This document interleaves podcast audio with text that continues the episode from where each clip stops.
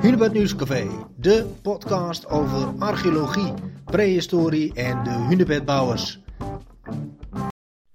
Vandaag spreek ik met Morvenna van Rijn, archeobotanicus. Zou zij iets kunnen vertellen over het Drenthe uit het Neolithicum, de tijd van de hunebedbouwers? In de archeobotanie zijn natuurlijk allerlei verschillende takken weer. Ehm, wat doe jij precies, Morvenna? Ik ben de macro-specialist. Ja. En een collega van mij, zij doet stuifmeel. Oh ja. En er wordt toch wel meer stuifmeelonderzoek gedaan naar dat Mhm. gebied. Ja.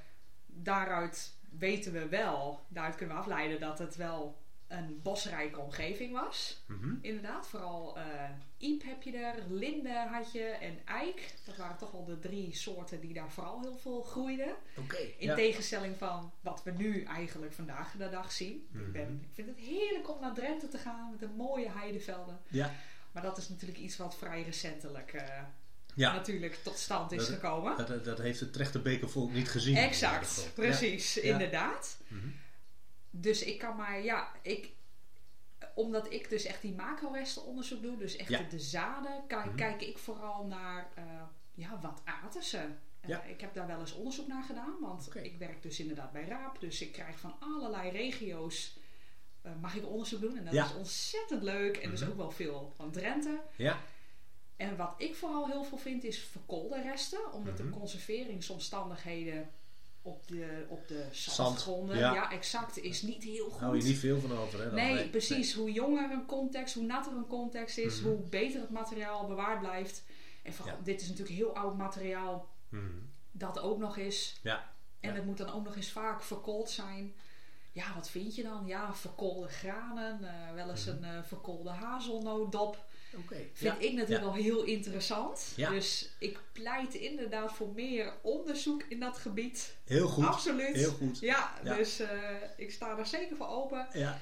Leuk. Ja, dus dat is, Mhm. eh, ja, wat aten ze? Ja, ik, dus inderdaad granen zoals Mhm. eh, gerst en eh emmertarwe, eenkoren. Eenkoren is echt dus al nou, best wel een oud gewas, wat je eigenlijk nu, nou, Ja. niemand kan dat zo echt meer in een supermarkt, eh, dat kom Nee. je niet vaak tegen. Nee, dan moet echt voor de echte fijnproevers, die maken dat nu allemaal weer natuurlijk. Exact, Maar, eh, exact, ja, precies. Ja, ja, eh, hoort echt nu in één keer bij het paleo-dieet. Ja, ook. Ja, precies. Dus, ja, ja.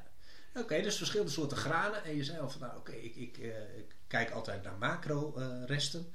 Eh, kun je überhaupt even uitleggen wat, dat- wat dat zijn? Want er zullen mensen, mensen denken, ja, macro-resten, oké, eh, wat, wat zijn dat precies? Ja, je hebt, nou, dat, zoals ik al zei, heb je stuifmeel. Dat is echt, dat noemen we het microniveau. En het Ja. macroniveau, dat is iets wat je nog wel met het blote oog kunt zien. Mhm. Maar waarvan je echt, als je iets wilt determineren, dan moet je goed naar die structuur, naar de celstructuur, naar de vorm kunnen kijken.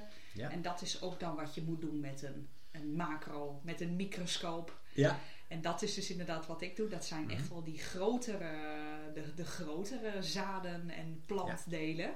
Met het blote oog nog te zien. In elk Exact, geval. ja. Oké. Ja, precies. Mhm. Moet je wel een heel scherp oog hebben vaak. Ja, Maar oké, eh, ja, ja, ja, en dan ja. zoals je ziet, ik draag een bril, dus Mhm. voor mij.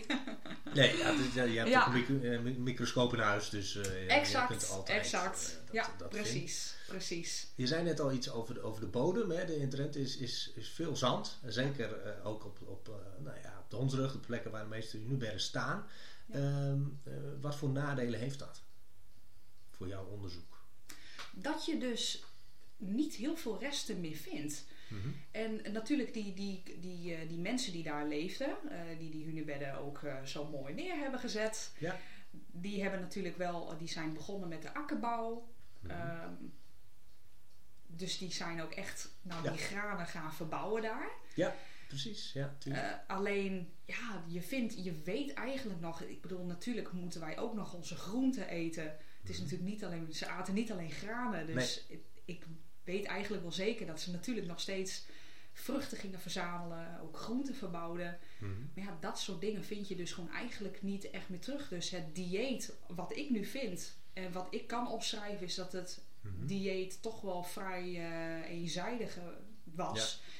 Terwijl je weet dat er toch echt wel meer, eh, een grotere eh, variatie was. En dat Mhm. komt niet gewoon goed in beeld. Omdat dus die conserveringsomstandigheden gewoon echt wel minder goed zijn dan bijvoorbeeld in de regio, eh, nou echt in Groningen, die kleigronden, die natte kleigronden. En dat is gewoon heel erg Daar jammer. blijft het beter in bewaard. natuurlijk. Exact, ja. Ja, precies. En is het dan zo dat je bijvoorbeeld uit pollenonderzoek eh, allerlei boomsoorten en plantsoorten vindt, maar dat eigenlijk niet terug kunt vinden meer in het dieet van in dit geval de Drentse hunebedbouwers vanwege die zandgrond? Ja, dat klopt inderdaad. Ja, want zelfs ook het stuifmeel Mhm. is ook gewoon, dat is precies hetzelfde als voor de macro-resten. Echt die zaden is ook de conservering, is ook gewoon, Ja. ja, ook echt wel, eh, de conserveringsomstandigheden zijn ook niet heel eh, goed voor, die, eh, voor dat stuifmeel inderdaad. Nee. Maar ik denk wel beter dan echt, het op het, eh, echt voor de zaden. Ja. Dus eh, Ja. Nou ja, kijk, ehm, we hebben een bepaald beeld van, van, die, van, die, van die mensen die dus die, die, die grote stenen eh, op elkaar gekregen hebben. Ehm, en dat, dat is onder andere dat, dat het nou, relatief de, de eerste mensen zijn die, die wat meer gingen boeren. Maar dat komt eigenlijk dus misschien ook wel omdat we heel veel dingen niet kunnen vinden. Ja.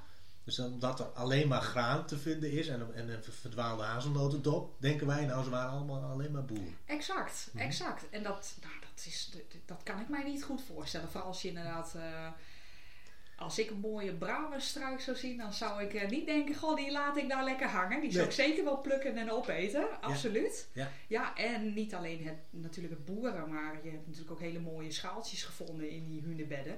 Dus ik Ja. denk ook, ja, als je natuurlijk aan grafgiften... Ik kan me heel goed voorstellen dat ze daar natuurlijk ook allerlei eh, planten meegaven met de doden. Dus bloemen en ehm, Mhm.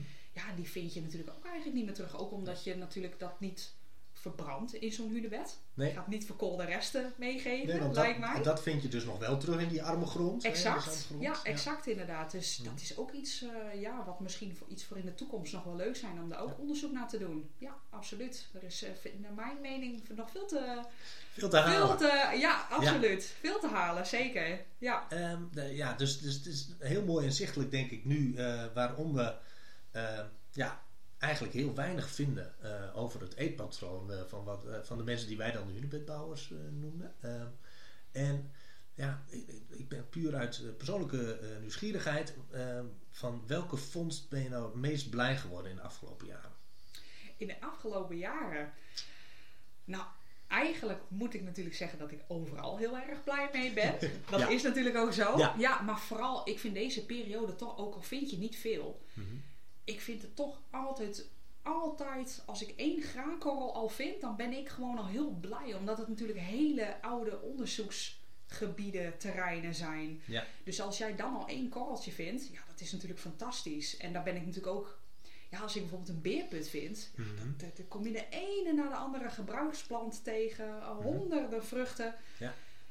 Dus ja, dan denken mensen al heel vaak van, ja, goh, één korreltje uit zo'n eh, van duizenden jaren geleden. Nou moet je daar nou zo blij mee zijn. Maar dat Mhm. is dus al heel uniek en heel bijzonder inderdaad. Ja, ja. En ik ben nu eh, op het moment bezig, Mhm. ook met monsters uitzoeken eh, die uit Medel komen, uit Tiel Ja. Medel. Oké. Dat is eigenlijk nog, nog ouder dan bijvoorbeeld die trechterbekercultuur. Ja. En dan heb ik ook best wel veel graankorrels gevonden van emmertarwe en, en gerst. Ja, en terwijl nou, honderden monsters zijn bekeken. En toch vind je ook nog best wel veel. Dan natuurlijk nog steeds niet zoveel als een, een eh, jongere beerput. Nee, nee. Maar dat is al fantastisch natuurlijk. Ja, Ja, dus en, het- en dat is voor mij al een hele bijzondere, bijzondere project geweest. En kan het, kan het ook zo zijn in theorie dat je een tarwesoort vindt die eh, nog niet bekend is? Ja, dat kan natuurlijk altijd. Dat kan natuurlijk altijd. ja. Dat had je natuurlijk honderd jaar geleden ook. Was er natuurlijk al helemaal niet zoveel botanisch onderzoek gedaan. Nee, nee. Dus eh, toen waren ze, vonden ze misschien gerst al wel heel bijzonder. Ja. En daarom, hoe meer onderzoek gaat doen, hoe meer je vindt, hoe interessanter het wordt, hoe completer het verhaal wordt. Dus ik ben heel benieuwd waar we over 30 jaar zijn. Misschien inderdaad vinden we dan toch een keer een, eh, ja, iets nieuws. Ja. Absoluut, dat zou fantastisch zijn. Dit was alweer een podcast van het Hunebed Nieuwscafé. Bedankt voor het luisteren. Heb je nu vragen of een tip voor een mooi onderwerp? Mail dat dan even naar mij naar gklompmaker.hunebedcentrum.nl En vergeet niet, elke woensdag weer twee nieuwe episodes.